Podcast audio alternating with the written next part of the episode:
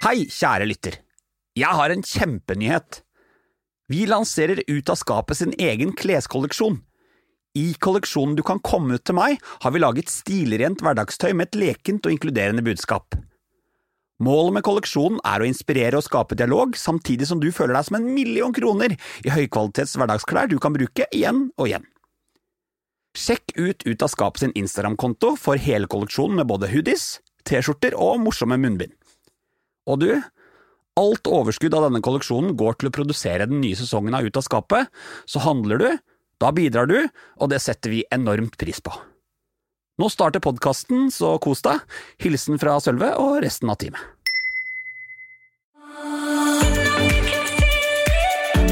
Hei, du! I dag treffer du Ingvild Endestad i Ut av skapet. Men så eh, Poenget var at hun ble Eller hun sa at hun skjønte ikke hvorfor jeg ikke hadde sagt det. Hun hadde en sånn sorg over at hun ikke fikk lovt At vi hadde antatt at hun ikke skulle, altså, ikke skulle like meg eller reagere dårlig, bare pga. at hun var eldre. Og at, eh, at hun ikke fikk sjansen til å være liksom reagere fint. Ingvild er kul, reflektert og engasjert, og hun jobber fulltid som leder i Foreningen FRI. I dag snakker vi om det å vokse opp i familiekollektiv, hvor viktig det er å gi mennesker en sjanse, og hvordan en liten ting kan bety så utrolig mye. I denne episoden deler jeg også min mest sårbare komme ut-historie. Det er tøft, men veldig fint. Kos deg med episoden.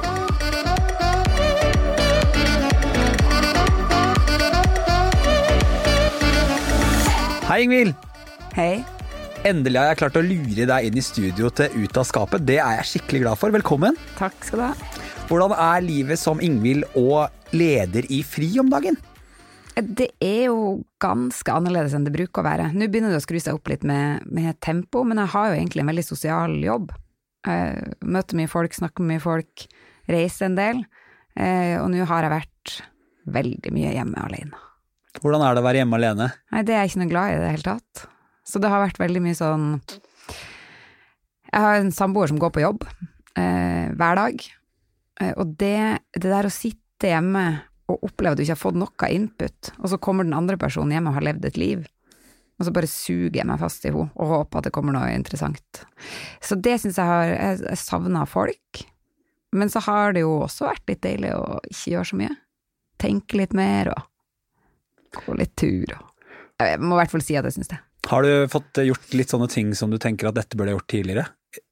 Absolutt ikke. Altså, det jeg har konkludert med, er jo at der jeg tidligere har tenkt at det er fordi jeg er så opptatt at jeg ikke starter et stort bakeprosjekt eller har det ekstremt rent hjemme, det har jeg jo nå virkelig kunne konkludert med at det er jo bare meg. Det er Fordi- faktisk ikke omgivelsene. Nei, det er åh, Jeg ble veldig glad for at du sa det, for jeg har hatt den samme konklusjonen. Jeg har vært veldig sånn Nå får jeg tid, nå har jeg vært heldig og fått gjort litt podkast i den perioden her, men det er veldig mange av de prosjektene jeg står for meg at nå kommer det, nå skjer det, og så handler det mest om at jeg er lat. Ja. Og så tror jeg, altså, det kommer jo litt an på hvordan man fungerer, men å ikke se et eneste menneske er jo ikke veldig inspirerende heller. Nei, jeg savner eh, Vi snakket om det før innspilling her, at eh, jeg savner bare litt sånn fysisk kontakt, og at alt ikke må skje med piggene ute. Ja. Det hadde vært deilig å liksom bare Det skal bli godt når covid tar seg en pølse og stikker av gårde litt, men jeg er innstilt på å holde ut litt til. Ja, vi må jo det. Vi, vi har ikke noe valg. Du, jeg lurer på ting. Jeg er en sånn homo som er en litt sånn dårlig homo. På spesielt ett område. Og det er det at jeg vet ikke godt nok hva fri er, og hva fri står for, og hva dere gjør, og hva dere gjør for meg. Og derfor lurer jeg på om du kunne tenke deg å liksom dra meg gjennom en sånn fri for dummies på tre minutter. Jeg kan prøve. Det holder. Det er nok veldig mange som ikke vet hva fri er, og det på en måte er det bra. Det er litt som eh, når ting funker godt, så det er litt som når man er på arrangementer, så legger man ikke merke til de som Sånn velger jeg å se på det, da. Så legger man ikke merke til alle de som orger, med mindre noe går gærent. Så det, det betyr jo kanskje at at veldig mange har gode og fine liv. Det er jo bra. At man ikke trenger en sånn eh, bli passa på hele tida. Men FRI er jo, har jo eksistert lenge. Vi var den første organisasjonen som ble laga på en tid Altså det er akkurat 70 år siden i år. Eh, og da var jo det å være homofil var både eh, kriminelt, eller i hvert fall det å ha eh, sex med noen av samme kjønn var kriminelt. Og så var det også en psykiatrisk diagnose. Og det gjorde jo også at det var vanskelig å finne hverandre, for det første. Eh, og det var vanskelig å vite hvor, hvor man skulle sette i gang, fordi det er ikke så veldig eh, lett å snakke om rettighetene hvis du allerede blir sett på som eh, tung psykiatrisk eh, pasient, eh, og det du driver med er kriminelt. Så eh, da starta man å organisere seg litt i det skjulte, med hemmelige, hemmelige navn og egne koder for å komme inn og sånn. Så da måtte man eh, jeg husker ikke helt det, men det, det er i hvert fall fortalt at man måtte ha en avis under armen, og man måtte godkjennes av to til og sånn, og møte opp på et bestemt sted for å i det hele tatt få lov til å komme inn i de lokalene. Men heldigvis er det jo ikke sånn nå, og det vi, men det vi har gjort hele tida, som vi fortsatt gjør, er jo på den ene sida å jobbe opp mot politikere og de som, som bestemmer, for å få flere rettigheter, sånn som eh, likekjønna ekteskap, for eksempel, partnerskapsloven som var før det, eh, og for å få fjerna den her psykiatriske diagnosen og eh, kriminaliseringa og sånn. Eh, så det er liksom det ene vi gjør, politisk påvirkning, egentlig. Mm. Prøve å eh, få de som til å bestemme til å bestemme ting som er bra for flere av oss. Og så driver vi med eh, kursing. Masse informasjon og kunnskap, fordi vi vet at når folk forstår mer, så har man mindre fordommer. Kursing til hvem? Nei, vi drar ut i, til ansatte da, i barnehage og i skole, og til politiet, eh, og på arbeidsplasser, eh, og helsetjenesten, så egentlig overalt. Og så prøver vi, altså grunntanken er jo at man skal bli trygg i møte med ulike folk, så hvis du går til legen, så skal, eh, så skal du tørre å fortelle at du er homo. Eh, fordi det gjør deg tryggere i møte med legen din, men også fordi det er, det er ganske mye viktig informasjon i akkurat det. Hvis legen din hele tida tror at du eh, lever sammen med en dame, så kan det være eh, at du får feil helsehjelp, eller ikke får svar på det du lurer på. Så hele greia er at man skal kunne snakke trygt med de menneskene man møter, og da trenger man litt kunnskap for å få til det. For skeiv helse er en ganske stor fanesak for dere. Ja, eh, både helse og Altså fordi vi ser at stort sett da, så, så går det jo ganske bra med oss, men allikevel så er det flere av oss som syns livet er vanskelig, Mm. eh, og noen som syns det er så vanskelig at man ikke har lyst til å leve. Eh, og det er flere som har eh, ja, eksempel har falt utfor arbeidslivet, eller eh, sånne ting, da. Eh, og det handler jo ikke om at homofile og transpersoner er dårligere rusta sånn fra utgangspunktet, men kanskje at vi har innretta verden sånn at den er for noen litt slitsom å leve i. Da. At det er vanskeligere å gå på skolen, eller det er vanskelig å gå eh, på jobben din, og at du bruker veldig masse tid på å bekymre deg for hva andre skal tenke om det. Jeg hadde en besøk av en lege i studio her for litt siden som fortalte meg det som jobber som lege i psykiatrien, og han sa innledningsvis det at det er flere tunge eh, diagnoser blant skeive prosentvis andel enn det er blant heterofile. Det stemmer, eller? Ja, men det er jo ikke sånn at, at det gjelder alle. Eh, Men det er jo Og det er ikke egentlig så veldig rart at hvis, hvis du fødes inn i en verden hvor du eh, opplever at du skulle vært annerledes, eller alle tenker at du skulle vært annerledes, så må du hele tida gå rundt og fortelle verden at nei, nei, nei, eh, jeg er ikke sånn som dere tror. Eh, Og hvis du da får negativ respons på det i tillegg, så kan du jo bli veldig sliten, ikke sant? Eller hvis du går rundt på gata og er redd for å bli slått ned, så, så bruker du veldig mye energi som du heller kunne brukt på å studere, eller finne deg kjæreste, eller alle de tingene som er fint i livet. Ja, for vi skal jo på en måte håndtere alle de problemene som alle andre også håndterer, og i tillegg disse, går det an å si skeive utfordringene? Ja, det tenker man kan si. Og så tenker jeg noen ganger, og det er jo litt sånn som jeg har tenkt på, at heldigvis er det jo flere og flere unge som nå kommer ut og tør å være åpen, og, og som kan bruke tida si på noe annet. Eh, Men veldig mange av oss har jo liksom fått en litt sånn forsinka pubertet. Rusetida var ikke like artig når du måtte late som du ville kline med alle de kjekke guttene du egentlig ikke ville kline med, eller i ditt tilfelle Ja, altså, jeg har kjent på det samme. Jeg eh, gjorde jo den berømte kongla, eh, Ja. og det Jeg tror ikke det var godt for noen av oss. Nei. Så hvis du ikke vet hva kongle er, så kommer jeg ikke til å forklare det, men du kan søke på russeknuta kongla på Google, du som hører på, sette deg inn i det. Ja, det skal de jo ikke drive med nå i korona. Nå skal nei. du ikke ta noen russeknuta. Ikke, nei, ikke det. Takk. Ikke kongla nå. Ikke kongla nå. Fordi det siste vi gjør som vi ikke gjør så mye av nå i i korona, er å lage trygge møteplasser for folk. Det er enten, enten pride, der folk kan samles og, og få en litt sånn hvilepause, men det er også sånn eh, møtes på kafé, gå tur, Eh, sørge for at folk kan møte andre som seg sjøl. Eh, det gjør vi over hele landet. Og så jobber vi jo selvfølgelig internasjonalt, fordi vi tilhører jo en sånn stor verden der det er ikke like greit å være homo overalt. For her, å, her må vi skrape litt, for det syns jeg er godt at du sier. For jeg merker jo det at eh, jeg er heldig og er veldig komfortabel med å kunne være den jeg er i Norge i dag, eh, og syns på en måte at Norge gradvis for så vidt beveger seg i riktig retning. Men så ser jeg jo andre steder at vi går mange, mange tiår tilbake igjen, og at skeive er jo eh, er i fare. Hvordan jobber dere, altså hvordan jobber dere internasjonalt? Aller mest så jobber vi jo med å sørge for at de som er skeive de stedene vi eh, er, får liksom eh, penger og kunnskap og ressurser til å kunne drive kampen sjøl.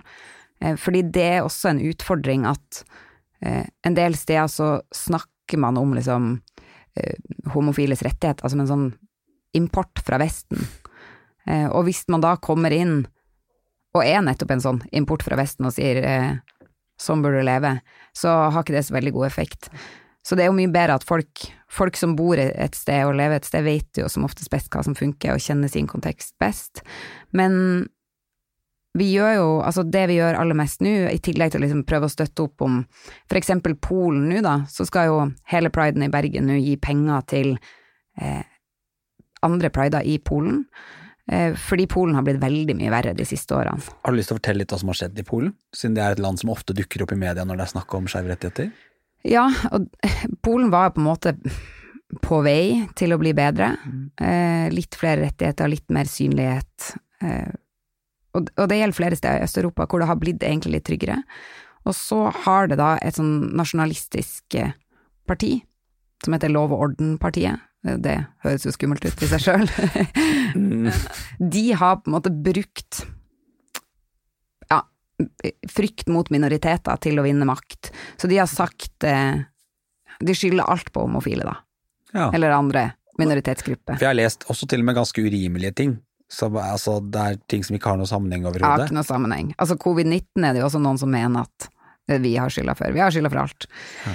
Men så har de da gått til valg på det, og blant annet det verste som har skjedd, er at man har oppfordra til å lage såkalt LHBT-frie soner, altså soner som skal være fri for lesbiske, homofile og bifile og transpersoner. Og det har blitt sendt ut sånne skilt i et magasin som man kan henge opp og erklære sin kommune eller sitt lokalsamfunn for LHBT-fri, som jo er utrolig ubehagelig. At man sier at her i hele denne kommunen så erklærer vi sånne som dere for uønska. Og her eh, finnes dere ikke? Ja. For det er jo ofte sånn det blir da, antar jeg at hvis det da er eh, LHBT-personer som bor der, så bare eksisterer de ikke, de snakkes ikke om, de, får oss, de bare Nei, og man tror at man kan ja, fjerne oss ved å henge opp skilt. Har du snakket med noen som bor der? Ja. Og hvordan de opplever det? Ja, og jeg snakka særlig med ei som, som driver med pride-organisering, og det, det er fryktelig, fordi det er ikke så lenge siden vi møttes og ting var ganske annerledes, og de hadde veldig sånn trua på at nå skal ting skje, men, men, Polen har blitt verre for kvinners rettigheter, abort og alt mulig. Eh, men hun sa jo at når de deltok i en av de paradene som ble angrepet, da, for det, det er flere og flere sånne høyreekstreme grupper som angriper parader fysisk, ja. Eh, og hun sa at i det øyeblikket det skjedde, så hadde alle en følelse av at livet var over.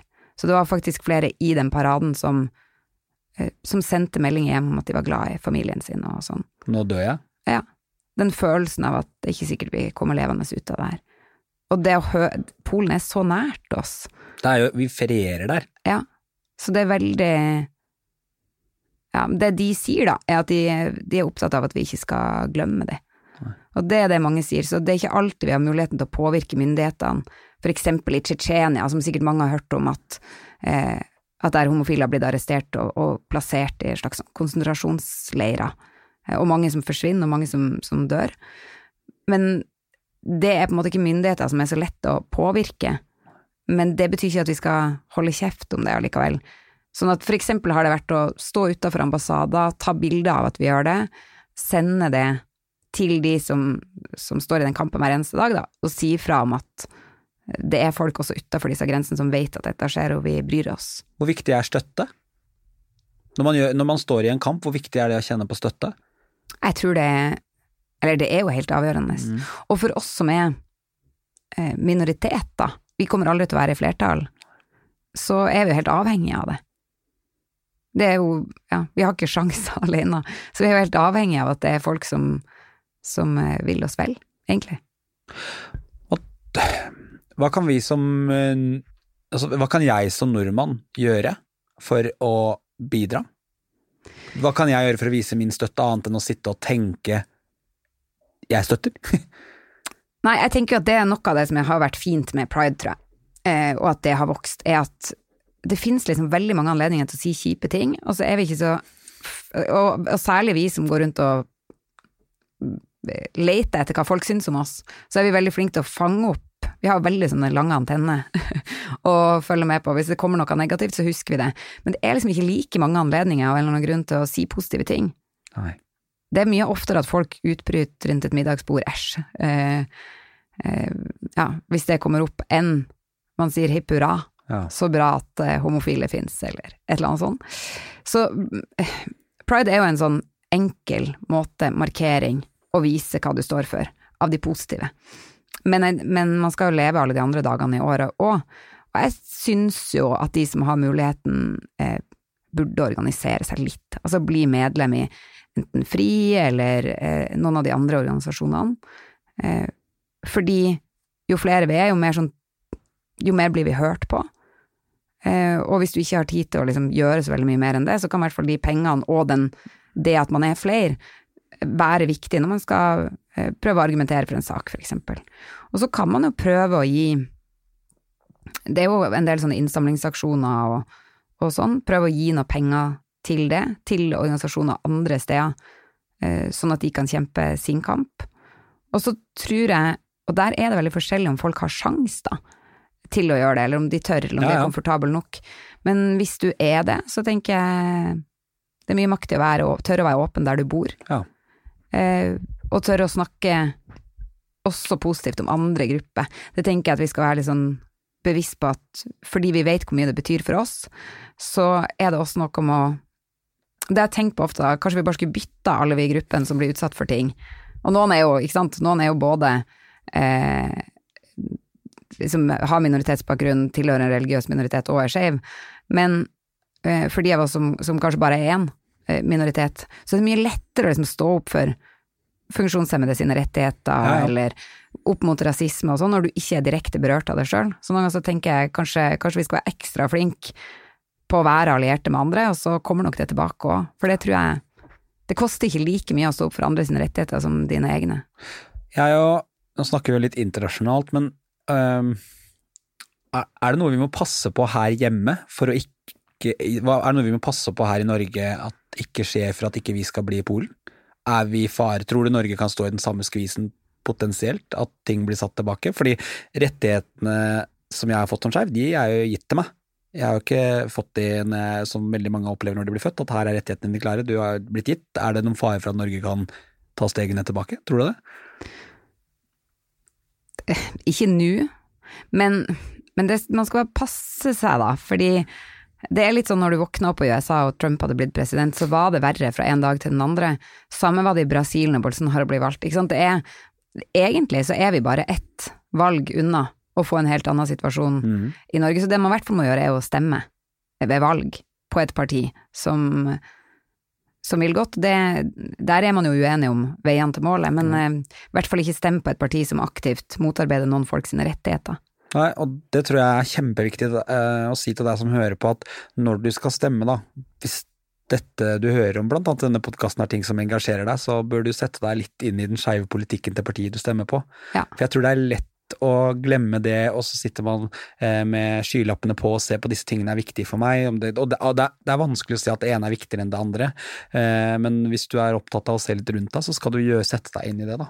Men jeg tenker at man skal være Og det er ingen partier som er helt Ti ikke av sant? ti. Det er fordeler og ulemper med alt, og det kommer an på hvordan sant, hva man tror på om økonomisk politikk og veldig mange andre ting.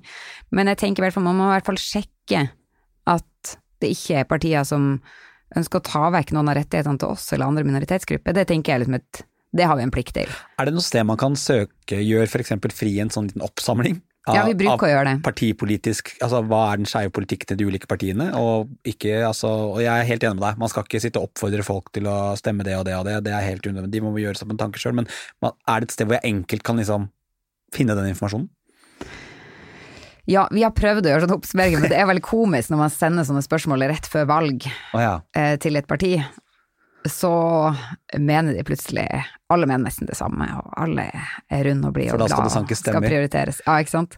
Men eh, nei, vi burde nok gjøre en bedre jobb på det. Men eh, det man, altså rett før valg, så kan man jo bare gå til en valgbod og spørre.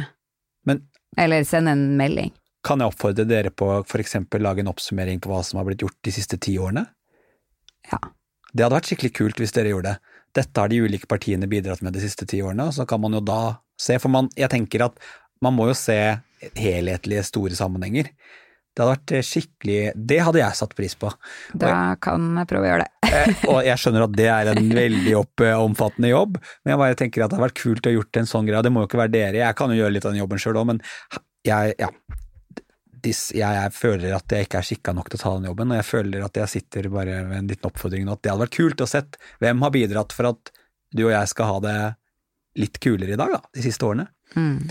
For det er lett å glemme, fordi alle svarer det man vil høre rett før et valg, og nå står vi vel foran et valg ganske snart. Du, Ingvild. Det var en eh, fin eh, intro. Nå er du i podkasten Ut av skapet, og her er det hyggelig å bli kjent med eh, Fri og hva du jobber med, men jeg har veldig lyst til å bli kjent med deg, og det er det mange andre som har lyst til også. Jeg vet at du har vokst opp i Harstad. Ja.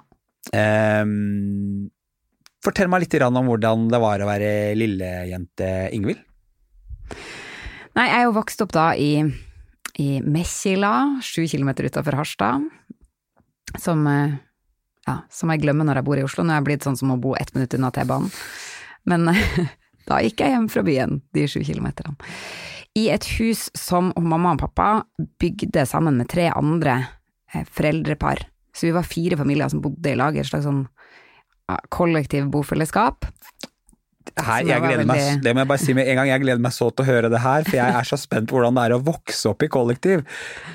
Ja, det var jo Altså, for oss Jeg vet jo ikke om noe annet. Det, jeg er jo vokst opp der. Eller jeg vet jo om noe, altså, alle andre bor jo ikke sånn, så det, det er jo ikke så vanskelig å forestille seg. Men for meg var det ikke så rart, fordi vi hadde på en måte våres vi hadde, våre, vi hadde et komplett hus, og så delte, hadde vi en fellesstue og noen ting felles, og felles uteområde. Men som unge var det helt fantastisk, fordi vi ble jo mye flere unger. Og man kunne gå til andre sine foreldre og få liksom støtte, eller Det var flere voksne, og det var flere unger å spille på, så det var egentlig veldig fint. Du hadde mange å be om lov? Ja, Ah, det er jo bare fordeler. veldig fordel, men det er jo også veldig mange som kan si nei, da. Mm. De var ganske samkjørt på akkurat det der. I hvert fall når det kom til de tingene jeg var mest opptatt av, godteri og innetid. Og det var jo mamma og pappa som bestemte innetida mi, dessverre. Eh, men det var mye diskusjoner om det, da. Skal man ha samme oppdragelse? Når unger lever så tett, så blir man jo nesten som søsken, og vi gikk, vi gikk til og fra skolen i lag, og For disse familiene hadde i utgangspunktet ikke noen familierelasjon. Nei, de var bare venner. Ah, ja. Ikke, de var heller ikke så veldig gode. Sånn, det var ikke sånn det var bestvennene deres, men det var folk som hadde, fikk unger på akkurat samme tid. Ja. Og så tenkte de, så tror jeg de syntes det var litt skummelt å få barn. Det er jo dritskummelt. Man vet jo ikke altså Det har jeg tenkt på, sånn, tenk å velge å skulle være fasiten på hvordan Ja, altså, jeg er så redd for det, jeg har valgt å ikke få det. Ja, det virker dritskummelt. Ja. Og det tror jeg de også syns. Og så tenkte de ok, men vi er jo ikke helt sant? Det er noen fordeler med å ha flere som kan passe de ungene uten at de trenger å gå ut av huset. Det var masse sånne praktiske ting. Og så tenkte de nok at det skulle bli billigere å, å bygge et sånt hus, for da kunne man dele på en del sånn fellesarealer. Um, men eh, alle andre syntes jo det var dritrart. Ja, for, for jeg tenker at eh, altså, jeg får jo litt sånn hippiefølelsesak her. Det er det jeg tenker med en gang. Altså, her er det flower power og lag på lag-klær og eh, bonfires og eh, sjanting og alt det jeg kan dra inn i en sånn. Men det var ikke sånn. Nei, det var overraskende kjedelig og streit, egentlig. Ok. Eh, selv om jeg tenker jo at det egentlig var en alternativ familieform på et eller annet vis, selv om jeg tror ikke mine foreldre så på det som det, men det er i hvert fall en alternativ boform, da.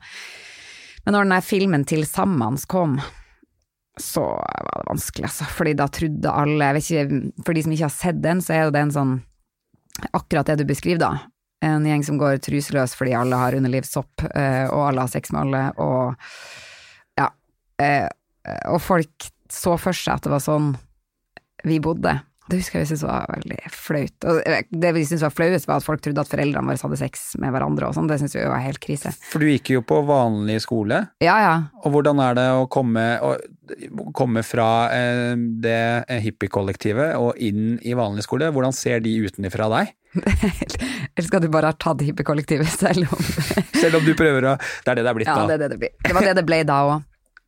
Nei, altså vi var veldig fornøyd med det, fordi vi var jo liksom På et tidspunkt så var vi jo tre unger som var like gamle, som gikk i samme klasse.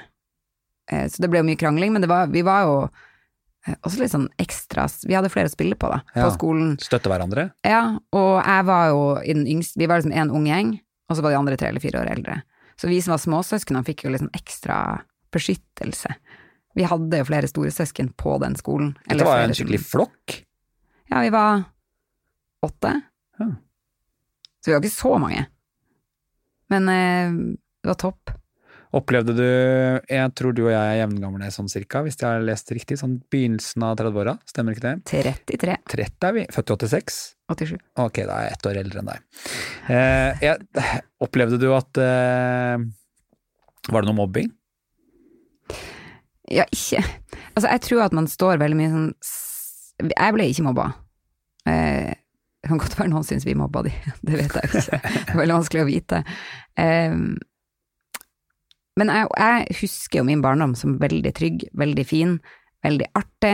Det var alltid noen voksne som var hjemme. Så det var veldig sånn trygt, og så bare lekte vi helt fritt i skogen og rundt omkring og herja og lagde. Vi var liksom mange nok til å stille med fotballag og uh, finne på veldig mye leker. Det var alltid noen å, å være sammen med, da. Som eh, Ja, det opplevdes veldig trygt og fint. Så den annerledesheten når man deler den med andre, er jo bare fin, Ja. tenker jeg. Eh, det er jo litt det samme jeg tenker nå, at det å være sammen med andre som er litt annerledes, er, er fint. Da er det liksom en styrke i det. Er du glad for at du vokste opp sånn? Jeg er veldig glad for det. Eh, og jeg tenker også at et, eh, hvis jeg skulle hatt eh, barn, som jeg ikke helt har plan om å få, men hvis jeg skulle hatt det, så, så appellerer det veldig mye mer til meg å skulle gjort det en sånn at det var flere rundt som kunne være liksom backup eh, hvis livet var vanskelig, eller hvis man plutselig var opptatt, eller det er liksom flere mennesker å spille på, har jeg veldig trua på. Jeg synes det virker veldig skummelt å bare skulle være alene om det. Jeg, jeg er helt enig. Måtte vært deilig å ha en fire, fem, seks å dele den ungen på, tenker jeg. Ja, og så tenk, altså jeg skjønner jo heller ikke at folk klarer å få så mange barn, Nei. men altså bare fordi jeg ikke sjøl har lyst til å være gravid. Nei, men jeg, men jeg er jo altså, Jeg må bare si, jeg er veldig imponert over eh, fulltidsforeldrene, skjønner du hva jeg mener? Ja. Altså, jeg har venninner som håndterer to og tre unger i fulltidsjobb, eh, sur svigermor eh, og litt kjip eh, kjæreste. Men jeg skjønner ikke hvordan de kan få det til. Altså jeg skjønner ikke, nå har jeg bare tenkt ja, apropos det, det vi snakka om, at det er jo ikke mangel på tid som egentlig er grunnen til at jeg ikke har vaska huset eller noen ting, det er jo bare meg. Og min manglende, manglende evne og selvdisiplin. Og da, jeg bare skjønner ikke hvordan man kan Jeg er nok med meg sjøl, jeg. Og finne ut hva man skal lage til middag. Hele uka. Handle det, hente ungene, lage det, og så rydde masse. Jeg, bare, jeg skjønner ikke hvordan de får det til. Det her er da altså en shout-out til dere som er sånn eh, super toppidrettsutøvere i eget liv med full kids og alt annet. Ja, det er veldig Nå sitter du og hører på to stykker som ikke så, så, Vi skjønner ikke hvordan du får det til, eh, og vi kommer til å be om tips hvis vi er interessert i å dra oss inn i den retningen. Absolutt. Når det var første gangen du tenkte at eh, hm, jeg er litt annerledes? Nei, jeg tror det, jeg tror det at vi var liksom Det var en veldig sånn eh, fin oppdragelse på det at det hadde ikke så veldig mye å si om du var jente eller gutt, på hva du kunne holde på med. Så vi, jeg var mye sammen med de største guttene i huset, og fikk lov til å være med de på sånn skitur og herjing.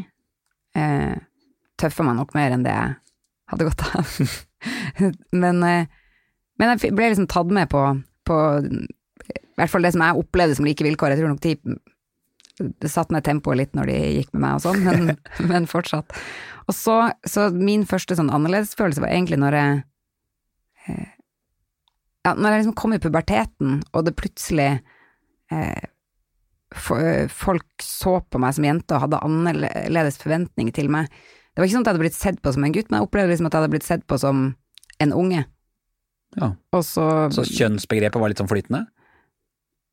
Ikke for meg, Nei. men det var bare fravær av forventninger til hva jeg skulle ha på meg av klær, eller eh, hvilke ting jeg skulle drive med og sånn. Og sånn opplevde jeg at det var for de andre ungene òg. At man gjorde det man hadde lyst til å gjøre, ikke det som var forventa. Også sånn ja, barnebursdager og sånn som ikke var sånn jentene for seg, guttene for seg, og så videre. Men så slutta det på et eller annet tidspunkt, og jeg vet ikke helt Det var vel forventningen rundt, da, og kanskje den forventninga jeg syntes var vanskeligst, var vel den forventninga til at jeg skulle være dårligere å spille fotball. Ja. Jeg måtte begynne på jentelag. For før, før det så var det jo blanda. Det syns jeg var irriterende, når jeg spilte med guttene, og de forventa at jeg var dårligere. Sånn at jeg, liksom, jeg ble ikke sett på som en eh, trussel på banen, så det var irriterende. Og så syns jeg Ja, den, da ble det også en forventning til at jeg skulle være forelska i de her guttene. Å ja. For den kom jo da, ikke sant, når man var sånn tolv. Og det var jeg jo ikke. Nei. Eh, Og jeg skjønte heller ikke helt den enorme interessen. Jeg skjønte ikke det konseptet med at man skulle sitte og snakke om det hele tida. Jeg var jo med på det, men jeg bare Jeg, jeg hadde jo ikke den liden, lidenskapen. Men spilte du den rollen, da? Ja. Men, og det gjorde jeg jo på mange ting. Eh, jeg hørte jo på en del musikk jeg ikke likte òg, fordi alle andre hørte på den musikken. Ikke sant? Det tror jeg, det å drive litt sånn skuespill når du er Eller prøve å finne ut hvem du er, så er jo det aller viktigste er å finne noen å være sammen med. Og ha liksom en flokk. Så det var definitivt viktigst. Men det var mye skuespill. Eh, og jeg spilte definitivt den rollen på Altså, ting jeg blir helt sjukt flau av å snakke om. Når jeg liksom snakka om hvor kjekk jeg synes Altså, ai, gud så flaut. Og satt sånn og, og liksom la ut om hvor kjekke jeg syns eh, voksne menn og sånn var. For det er jo en sånn greie, ikke sant, og sånne artister og sånn. Ja, ja. Han, han, ja, ja, altså, jeg husker det. Det er så typisk. Det er så morsomt. Det var sånn eh, Jeg husker Britney Spears ga ut en musikkvideo med, fra I'm a Slave for You. Det er en ganske sånn sexy musikkvideo hvor hun er så sexy som hun alltid er. Husker jeg vi satt liksom en guttegjeng og så på det, så sa jeg sånn Å, hun har så sykt deilige pupper. Jeg husker jeg sa det. Og inni meg så var det bare sånn det, dette, her kan, dette, dette er så teit, jeg følte meg som en dritt, men alle gutta var jo enig i det. Og, og det var sånn eh, Ja, det er så kult rart hvordan vi spilte den rollen. Jeg var så glad når du sa at du blir flau, for når jeg snakker om det her, nå kjenner jeg at jeg blir sånn rød i kinnet. jeg blir så flau. Eh, og det er jo egentlig ikke rart at vi spiller den rollen heller, for det forventningen er jo at vi skal være hetero. Ja. Og man har jo lyst til å være ikke som alle andre, men man har liksom lyst til å ha en flokk rundt seg. Man har lyst til å bli invitert på ting, man har lyst til å dele de samme opplevelsene som andre gjør. Det tenker jeg er helt naturlig. Eh, og det ser jeg jo med Altså, den der kjipeste tida er jo når man er sånn 13, hvor noen er kommet liksom full blown pubertet, eh, og bare går rundt og er liksom kåt og fullblomstra og opptatt av eh, Gutter. av gutta, Ja. eller noe. Og så har du liksom resten som ikke nødvendigvis er homo eller noe sånt, men som bare ikke har kommet dit De er ikke der ennå. Så de bare faker det, de òg. Og det er jo, ja, slitsomt å være ungdom. Det er veldig Mye mer slitsomt. slitsomt enn å være barn. Kan du huske på første gang du var forelska? Er det en sånn Jeg har tenkt på det der, Ja. fordi at det som er så rart, er at etter man liksom kommer ut og finner Eller kommer ut for seg sjøl, eller liksom klarer å sette ord på det, så begynner man å se verden annerledes tilbake i jeg lurer veldig på om jeg var forelska i Ronja Røverdatter.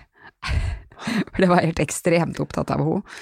Eh, men samtidig så var det jo eh, Altså, det vet jeg ikke, eller om det er sånn jeg liksom eh, ser det for meg i hodet mitt.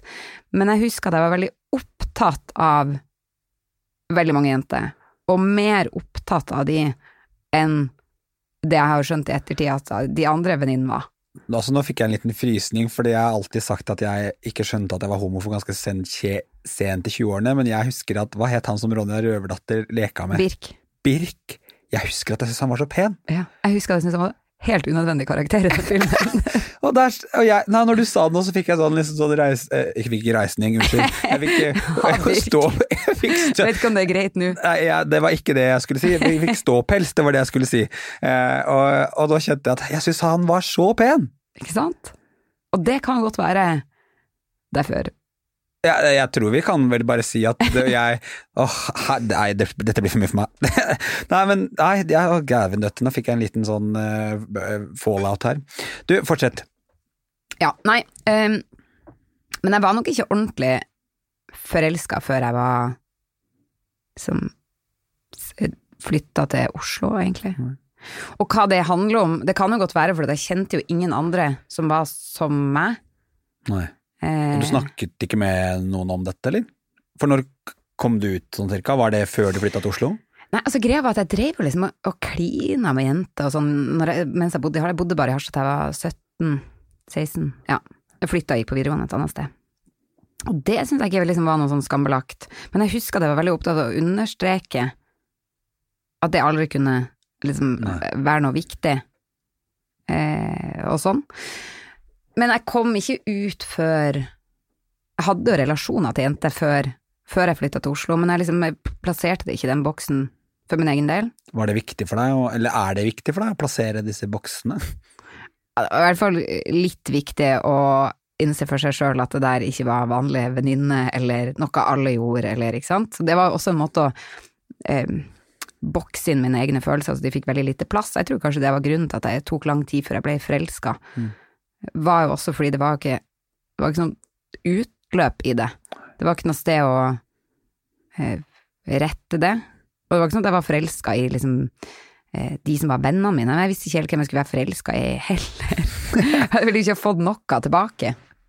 Du, du sa til meg det at uh, um, idet du kom ut, uh, så ga du aldri folk sjansen til å reagere positivt.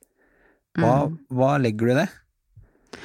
Nei, jeg har tenkt på det i, i ettertid, at ved å på en måte For det tok meg ganske lang tid, å jeg kom liksom gradvis ut, men det tok meg for eksempel ganske lang tid å komme ut til foreldrene mine. Eh, og altfor lang tid, ikke sant? Eh, fra jeg sjøl visste det til jeg sa det til de. Jeg følte at jeg levde ett liv i Oslo og ett liv hjemme, og det For du flytta uten å ha fortalt dette hjemme. mm, Mm. Jeg flytta først og gikk på videregående alene et sted, og så flytta jeg til, til Oslo. Og så levde jeg på en måte et fikk meg kjæreste her, eh, og levde på en måte fullstendig åpent her, men jeg sa ingenting hjemme om det. altså, ja. Jeg husker jeg skulle komme ut til søstera mi, fordi da bodde hun i Kairo eller noe sånt, sammen med kjæresten sin. Og så hadde jeg en plan om at jeg måtte si det til henne. Eh, og, og så tenkte jeg at jeg kommer, jeg kommer til å feige ut hvis jeg ikke sier på forhånd at når du kommer hjem, så er det noe jeg må si til deg. Og så husker jeg så husker jeg at jeg hadde ei venninne som hadde blitt gravid og som skulle ta abort. Og det var veldig sånn dramatisk på den tida, ikke sant. Hun var gravid, krise, krise. Så da var planen min at jeg skulle eh, Hvis ikke jeg fikk til å si det, når hun konfronterte meg, så skulle jeg si sånn Men vet du hvem som er gravid, eller? Det er det jeg må fortelle til Du hadde en sånn backup? ja, så jeg, jo, jeg kjørte jo også den backupen, og søstera mi sa men det er jo ikke det du har lyst til å fortelle, altså det er jo helt åpenbart, det har jo ingenting. Hun kjente du- deg. Hvorfor skulle du vente til jeg kom hjem for å fortelle meg at en av dine venner er gravid? Ja, eh, så hun, eh, hun skjønte jo at det var noe annet. Men jeg tror ikke nødvendigvis at hun skjønte at det var det, men eh, det var ikke noe dramatikk for henne, jeg tror hun bare var glad for at jeg fortalte det. Men nå er jeg veldig digresjon til det jeg egentlig skulle si, men det tok veldig lang tid før jeg sa det til bestemora mi, Ja. som var født i 1911, og hun hadde et veldig godt forhold til. Eh, Og da var jo hun langt over 90. Eh, og så ble det, ikke sant, det var så mye styr, fordi jeg husker at det var liksom hjemme, ja, men vi burde ikke si det til hun er så gammel, og det er sikkert mange som kan kjenne seg igjen i det, at man får beskjed om at ikke si det til besteforeldre, ikke si det til de og de, for de kommer til å reagere eh, kjipt, og det tenker jeg er noe man gjør for å beskytte ungene sine mot negative reaksjoner.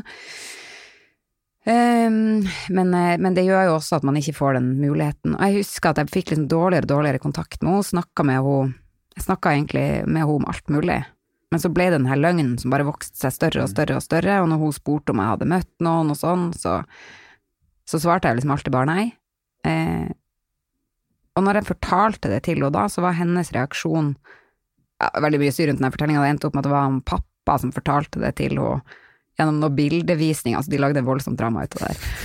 Men da ringte i hvert fall hun meg og hadde helt ja, det var for det første, Da hadde jeg fått meg kjæreste, og da lurte hun på to ting. Eh, det var om hun kunne Nei, det var, hun spurte om hun var hvor gammel hun var, og hvor godt hun tjente.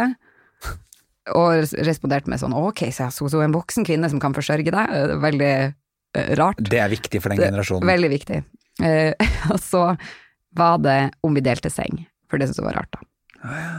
Men så eh, Poenget var at hun ble Eller hun sa at hun skjønte ikke hvorfor jeg ikke hadde sagt det. Hun hadde en sånn sorg over at hun ikke fikk lovt At vi hadde antatt at hun ikke skulle, altså, ikke skulle like meg eller reagere dårlig, bare på grunn av at hun var eldre. Og at, eh, at hun ikke fikk sjansen til å være liksom reagere fint. For du ga han jo ikke den sjansen. Nei, fordi at jeg ikke sa det. Og det er jo selvfølgelig liksom frykt for hvordan man skal reagere og sånn, men, men det har jeg tenkt mye på, at ved å ikke vise den tilliten og fortelle folk det, så eh, får du heller ikke motbevist dine egne fordommer. Du gir folk sjansen da, til å, til å være kul og grei, og vise at de egentlig er glad i deg uansett hva, hva det er du har på hjertet. Så det er litt sånn, det har jeg tatt med meg videre i livet, da. At jeg tenker at jeg må i hvert fall gi folk sjansen. Og så kan jeg heller bli sur hvis de er kjipe etterpå. Men eh, å anta at alle mennesker er negative, er jo heller ikke noe bra. Det frarøver oss med masse fine relasjoner. Ja, ja, for det er akkurat det. Føler du at du ble frarøvet en del gode år med bestemor på grunn av det her? Ja.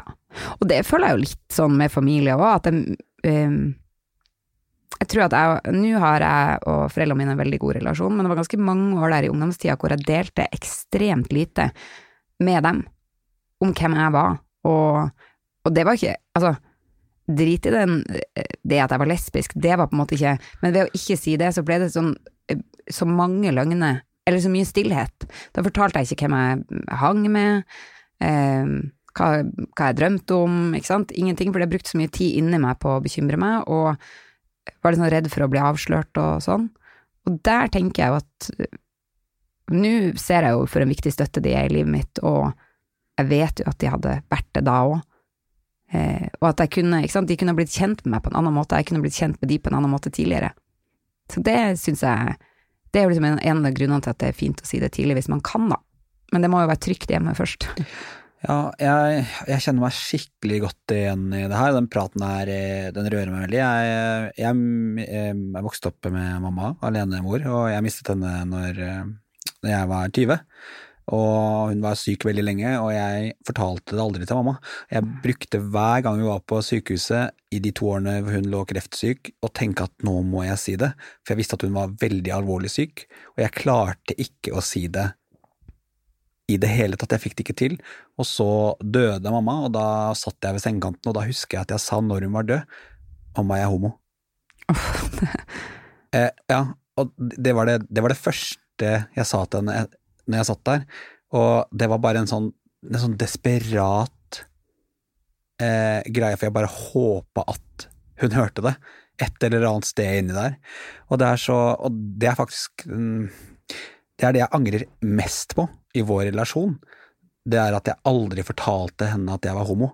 Mm. Fordi hun hadde Altså, mamma var verdens råeste dame, og hun er, var eh, Grunnen til at jeg bruker litt sånn hippieuttrykk her, er fordi at hun var litt hippie og litt gæren, og ja, vi hadde noen sånne rare regler hjemme hvor hun alltid Vi, vi, hadde, vi lukka ikke døra på do for det var så redd for å gå glipp av noe, det var mye sånne rare greier vi hadde hjemme. Men jeg bare husker eh, at eh, jeg er så skuffa over meg sjøl av at jeg ikke klarte å si det, fordi at det hadde gjort Det hadde vært liksom det er det som mangler for at vi skulle hatt en perfekt relasjon, de, eh, et perfekt eh, mor-sønn-forhold de årene som vi fikk sammen. da. Mm. Og jeg tror det er veldig mange som eh, er sånn som deg og meg, som har gått glipp av skikkelig mange gode, fine år og opplevelser og samtaler med de vi står nærmest av, fordi at vi ikke tør å si hvem vi egentlig er. Ja, det tror jeg. Men jeg tenker også, ikke sant, fordi Ja, vi må ta ansvar for å si det, men tenk så mye lettere det hadde vært hvis de tilrettela for det først, da. Hvis de liksom helt fra starten av hadde sagt det, hvis du forelsker deg i en jente, eller hvis du forelsker deg i en gutt, eller uansett hvem du er, eller hvordan du ser på deg sjøl, så Eller snakka positivt, ikke sant, vi bare var helt sånn i klartekst på det, så hadde jo den døra vært eh, unødvendig åpen, ikke sant, hadde den vært åpen fra først. Så det er jo et sånn, ja, jeg, jeg syns at vi skal gi folk den gode sjansen, men jeg skulle jo helst hatt et samfunn hvor vi hvor den døra slapp å bli åpna fordi den bare var der fra før. Hvis det hadde vært Det ser jeg jo nå når man kan Jeg har en nevø på, på eh, fem år som sant, Han er veldig glad i å lese bøker, og veldig mange av den litteraturen han leser, det er nok litt fordi han har meg som tante òg, men, eh, men de har kjøpt mye sånn eh, litteratur hvor tilfeldigvis ikke sant, Sånn Brillebjørn, da, som har to mammaer. Eh, og det handler ikke om det, men, men det er sånn. Og det eh, eh, tenker jeg at gjør hans verden litt større, både fordi han møter, og, og hvis det skulle vise seg at han også eh, forelsker seg eh, en gutt, eller hva nå enn det er, så tenker jeg at eh, det gjør det mer åpent for ham. De den verden han vokser opp i der, er kanskje lettere å eh, finne ut av seg sjøl i, enn en det vi gjorde. Ja, altså, jeg hører jo du sier det at altså, det, jeg er helt enig, det er så viktig at f.eks. For foreldre tilrettelegger for at det skal være lett å komme ut, men jeg vokste opp, også opp et sted hvor jeg hele tiden fikk høre det. Og jeg vet, mamma spurte meg to ganger gjennom tenårene du, Sølve, er du homo? Mm. Eh, og jeg reagerte da bare med, sant, med raserianfall. Jeg husker begge de situasjonene. Det var sånn jeg kasta ting gjennom huset, veggene, det gikk helt til klikka for meg, liksom. Åssen hun kunne beskylde meg for det. Og det sier jo og jeg vil jo si at det var jo hun som prøvde å tilrettelegge, på en måte, ja. men samtidig så hadde jeg jo så store problemer med det selv. At det er bare Og jeg har alltid lurt på hvorfor er det sånn at vi har så store problemer selv med å akseptere dette? Nei, jeg tror det bare er fordi at vi vokser opp i et samfunn hvor vi få beskjed om at vi egentlig, ikke sant, vi skulle egentlig vært annerledes. Så man blir, altså det hadde jo ikke trengt å vært sånn, nettopp hvis, hvis bøker og fortellinger og forbilder og sånn, det heldigvis er jo blitt bedre mm. for mange, eh, da hadde det kanskje vært lettere.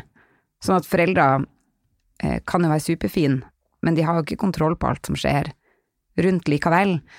Og jeg tror jo det der eh, å forsone seg med seg sjøl, uansett hva det er Jeg tenker jo at Jeg snakka litt med pappaen min om det som egentlig var odelsgutt mm. og skulle ta over en gård. Og han eh, opplever at han lever et veldig annet liv enn det som var forespeila for han, fordi han sa fra seg den odelen og dro og gjorde helt andre ting enn det livet som egentlig var lagt opp for han. Eh, og vi har hatt ganske mange fine samtaler hvor han Jeg opplevde han snakket om litt av det samme, ikke sant. Det er ikke han måtte bryte med de forventningene for å kunne leve det livet han ønska. Eh, jeg tror jo at voksne i mindre grad må være så opptatt av Det er det veldig mange som får barn, og så tenker de at de barna skal være et eller annet for dem. Om det er å ta over bedriften, eller om det er at de skal gi dem barnebarn, eller Men du kan på en måte ikke sette liv til verden og så ikke la de være fri. Nei. Og det tror jeg er skikkelig vanskelig når du oppdrar noen og sånn, fordi du har liksom lyst til at de skal bli et eller annet. Men man må våge å bare la de få blomstre sjøl, og det er ikke sikkert at de kommer til å ligne på deg i det hele tatt, og det er også helt fint. Det er liksom det man gir dem, da. Muligheten til å bli seg sjøl. Hvordan tilrettelegger man på en god måte, da? Enten altså hvis du sitter og hører på det her, og kanskje du har, kanskje du har en tantunge eller en sønn, eller eh, sånne ting som eh, du tenker kanskje at her er det eh, dette, dette, barnet eller denne familiemedlemmet eller denne vennen er skeiv, men har ikke fortalt det til meg. Hvordan tenker du at man kan tilrettelegge på en god måte for å gjøre det så trygt som mulig? Det er det veldig mange faktisk som ringer oss og spør om. Oh, ja. Som sier sånn 'jeg tror at eh, barnet mitt er trans', eller 'jeg tror, jeg tror barnebarnet mitt er homo', eller ikke sant. Um, og det er noe, det er jo litt det du forteller, at du var jo ikke klar så du må bli klar sjøl først, og du må få finne ut av den reisa sjøl. Men det beste man kan gjøre på den veien, er jo å være liksom overtydelig bevisst på at, på at, for det første at den kjærligheten er betingelsesløs, fordi det er det noen barn som trenger å vite, mm. eller alle barn trenger å vite det. Eh, og, så, og det å, å sant, snakke positivt, da, både når noen dukker opp på TV, eller eh, eller hvis man ser noen på gata, eller ikke, ikke, ikke overdrevent positivt, men prøv å ikke ta for gitt at du egentlig vet så veldig mye om barnet ditt. Men eh, still åpne spørsmål. Hvis de kommer hjem og forteller at de har fått seg kjæreste, så spør hvem er det, i stedet for hva heter han eller hun. Ja. Det er en del sånn veldig enkle grep. Eller hvis du eh, tenker at barnet ditt eh, liksom, Vi har også noen som tar kontakt, som tenker at eh, ja, nei, jeg har en jente som liker å gå i dress. Hva skal jeg gjøre, er dette barnet en gutt? Så er det sånn, nei, det vet i hvert fall ikke vi noe om, som ikke har møtt den ungen. Men la nå bare ungen gå i dress. Altså, egentlig er det jo, det er jo ikke noe mer, eller La la den gutten gå i kjole, og hvis, hvis eh, Ja, det har ingenting å si. Hvis du lager trygge rammer rundt og er liksom bøffer ut mot verden, så kommer ungene til å klare seg. Men det må man noen gang være som forelder, da. Man må kanskje være den som ja, eksempel snakker med besteforeldre hvis de er vanskelige, og tar den støyten i stedet for å sende ungen i frontlinja, eller når man får kommentarer på bussen, eller eh, kan enn det. Men det er jo litt sånn jobben med å være forelder. Og så har jo vi også, vi har jo foreldregruppe, der man kan møte andre foreldre som har vært i samme situasjon, som kan gi råd og Ja. Vi kan komme på besøk i skoler og barnehager for å sørge for at når de ungene begynner på skole og barnehage, så er det et fint sted å være, uansett hvem du er. Så det er jo liksom Spør de rundt deg hva de trenger for å ha et godt liv, og prøve å tilrettelegge for det. Altså, jeg, jeg kan på en måte Jeg kan pinpointe en veldig, egentlig ganske liten ting som kanskje er det viktigste i min komme ut-prosess, den viktigste bekreftelsen jeg fikk. Mm. Jeg er jo vokst opp eh, med mamma, og, eh, og har hatt et ikke et veldig nært forhold til pappa opp gjennom årene, eh, og han har vært der. Eh, og så mistet jeg moren min, og min første guttekjæreste, da var jeg sånn, nå må jeg bare komme ut. Og da Hvor gammel var du da? Åh, jeg tror jeg var 21, kanskje. 22. Ja. Og da husker jeg at ok, nå må, nå må det bare skje, for da hadde jeg jo noen venner her og der som visste om at vi var sammen, og det hadde vært litt fram og tilbake. Du vet samme historien som du forteller, at vi levde et eh, to liv. Og så hadde jeg ikke fortalt noe i familien, så jeg vet ikke. Det var på Facebook, så må vel ha vært kanskje litt senere. Men da, det vi gjorde, var at vi eh, jeg og Anders, som han het, vi gikk inn i et forhold på Facebook, og så la vi det ut som status, og så dro vi på hytta hvor det ikke er dekning. Oi. Det er Og det, åh, altså, den følelsen Jeg var helt Og han var jo åpen og var verdens lugneste fyr, og jeg hadde jo hilst på hans foreldre, ikke sant, så hadde en veldig god relasjon til de. Skikkelig dobbeltliv pågående her, men ikke fortalt noe hjemme. Og jeg var så redd Så det sto bare sånn 'is now in a relationship'. with uh, Anders. Ikke complicated. Nei, det var ikke complicated engang. Og, og jeg husker jeg var helt nervevrak, og hytta mi ligger så langt opp på fjellet at der er det ikke noe form for dekning. Vi må liksom gå i vinduskarmen på kjøkkenet og strekke mobilen opp i hjørnet. Det er ett sted, der kan du hende for dekning. Og jeg var kjempenervøs for spesielt hvordan faren min skulle ta det, for han er sånn superflott eh, mann, en veldig typisk mann av sin alder. Ja. Eh, og driver med veldig maskulint firma, hvis det går an å si det. Veldig sånn mannemann. Og så var jeg sånn, og så sa Anders til meg at Sølve, nå må du ta telefonen din, og så må du bare sjekke hvordan går det, liksom. Eh, har du fått noen meldinger? Og jeg gikk sånn skalv, og så gikk jeg opp i telefonen, satte den opp i vinduet, der jeg alltid kunne holde for å få dekning, og så tikka det inn en melding fra pappa. Det var det første som kom. Og jeg bare Altså, jeg husker jeg bare satte meg kjempespent. ja, jeg satte meg rett ned og var sånn, denne meldinga vil jeg ikke lese.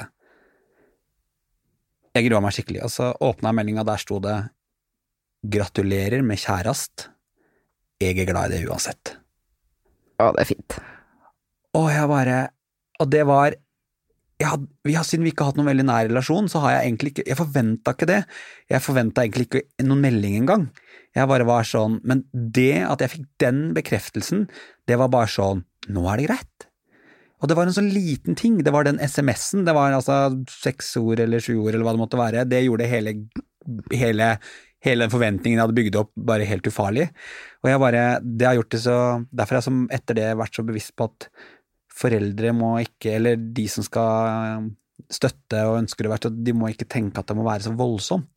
Det Nei. viktigste er bare at du lytter eller bekrefter. Og flere av de som har fortalt historien i denne poden her, har jo sagt det samme. Det var den lille det var det lille smilet, eller den klemmen, eller det var det at de ble med på pride. Eh, Det var en sånn liten ting som gjorde at eh, Som betydde noe veldig mye, da.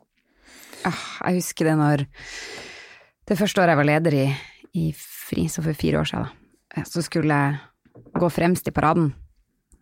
Og så kom både mamma og pappa og søstera mi og kjæresten hennes og ungen deres og søskenbarnet deres på den andre sida. Altså, så kom de som sånn hel gruppe, eh, sammen med en sånn stolte familie og venner. Og så gikk de Gikk de liksom som min familie der, eh, og det var Herregud, jeg ble så rørt, og det var så fint. Og det som var ekstra fint, var at de har nok ikke sant, De har bare sett denne paraden på Søstera mi har deltatt mange ganger, men mamma og pappa hadde bare sett det på TV, og de syntes nok at det var litt mye et eller annet rart og fremmed, og så ikke helt for seg hva vi hadde der å gjøre. Men så var det så fint at de Fordi jeg, jeg tenker jo at man må Du går i parade, eller? Eller er du, du bare ser på? Men eh, jeg bare ser på, Ja. og dette er, eh, det skulle skjedd i år. Ja. Min første parade. Fordi det er noe med For jeg så jo også på den de første årene. Så tenkte jeg, nå vet jeg hvordan det er.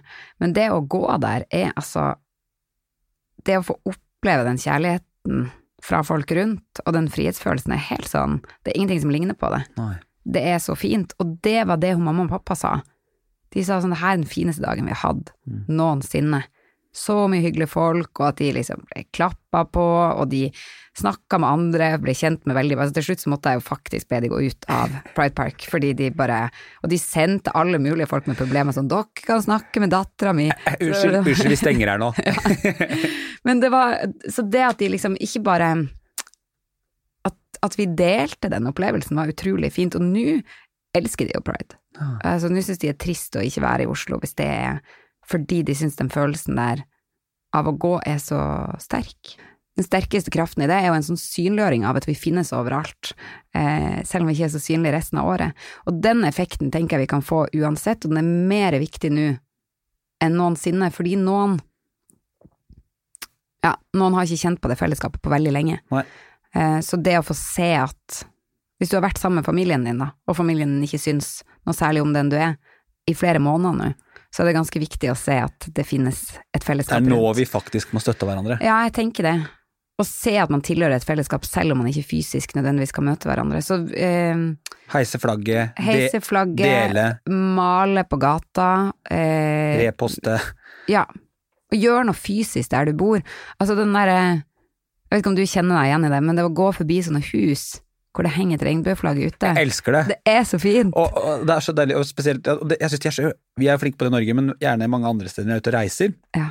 Så hvis jeg går inn i en gate hvor jeg ser et regnbueflagg, det kan være den mørkeste gata av gater, ser jeg et regnbueflagg, så er det the best street ever. Ja, det er så fint. Og det er en så enkel ting. Og jeg tror kanskje ikke De som ikke er skeive, skjønner det kanskje ikke, eh, hvor, eh, hvor fint vi syns det er. Eh, det er jo en av de tingene vi deler. Eh, men det Ja, pynt. Nå kan man bytte ut den der 'alt blir bra' igjen og henge opp et regnbueflagg i stedet. Det er sikkert en veldig brannfakkel du kan viskle ut teksten og så skrive eh, pride Kjærlighet overalt uansett. Ja. Nei, men det er veldig masse man kan gjøre, og um, man kan delta i sosiale medier. Man kan uh, herregud, invitere noen du kjenner på Pride-frokost, Mm. Uh, det skal være livesendinger den 27. juni uh, i flere timer. Med besøk hjemme hos folk og taler og konserter og sånn. Både fra eh, Bergen Pride og Oslo Pride. Så inviter på paradefrokost og se det sammen, og flagg. Det skal jeg gjøre. Ja. Det, nå sier jeg det i denne poden. Eh, det skal jeg gjøre. Det var et så bra, for jeg har følt meg litt sånn Man er redd for å gjøre noe. Eh, redd for å gjøre noe eh, fordi at eh, man er redd for å tråkke på over en grense eller bryte en anbefaling. Men her er det mulig å gjennomføre med innenfor anbefalingene og Mye heis- antibac. og, mye antibac og heise flagget. Ja. Du, denne praten her ble akkurat hva jeg ønska meg, Ingvild. Så bra. Den var Det var veldig fint å snakke med deg. Ja, det var ti av ti. Sånn avslutningsvis, eh, sånn avslutningsvis i denne podkasten så pleier jeg alltid å spørre de som er gjester, om de har et litt sånn skeivt råd de har lyst til å gi til lytterne, eh, som kan gjøre verden litt mer inkluderende og åpen. Er det noe du tar med deg fra den praten her, eller noe annet som du kanskje har lyst til å si? Jeg tenker det ene tipset er jo det å ikke På samme måte som vi ikke kan se hvem som er skeiv, så kan vi ikke se hvem som misliker skeive. Heller stort sett. Så gi folk en større sjanse. Og så tenker jeg at mitt tips, i hvert fall sånn i verden, er å ikke tenke at du trenger ikke å forstå alle andre eh, for å liksom akseptere de eller respektere de, men eh, man kan på en måte forstå folk sitt ønske om å leve det livet som nå enn er riktig for dem, eller være den de er. Eh, så ikke ta utgangspunkt alltid i deg sjøl for å prøve å forstå andre, men bare tenk at akkurat den følelsen av å føle seg trygg og elska, den har vi alle sammen, selv om eh, du ikke syns folk ligner helt på deg sjøl. Det var et fantastisk godt råd. Kjære Ingvild, tusen takk for at du ville være en del av Ut av skapet. Takk. Ha en skikkelig deilig dag videre. Du òg. Takk for at du hører på podkasten Ut av skapet. Det betyr mye for mange. Informasjon om dagens gjest finner du i episodebeskrivelsen. Sjekk alltid ut fine folk på sosiale medier. Denne podkasten er helt avhengig av deg, så er du glad i Ut av skapet, del om du lytter, og rate oss gjerne der du kan rate podkast. Jeg gleder meg skikkelig til nye skeive historier neste uke. Vi høres! Ungsamtalen fra DNB er økonomisk veiledning tilpasset deg som er ung. Bokk en ungsamtale på dnb.no. slash ung. Det er kjempebra hvis du skal inn på boligmarkedet, hvis det er drømmen din, liksom. Det er det du skulle sagt. Og så kunne du ropt litt mer, da, sånn som jeg gjorde. Bam! Åh,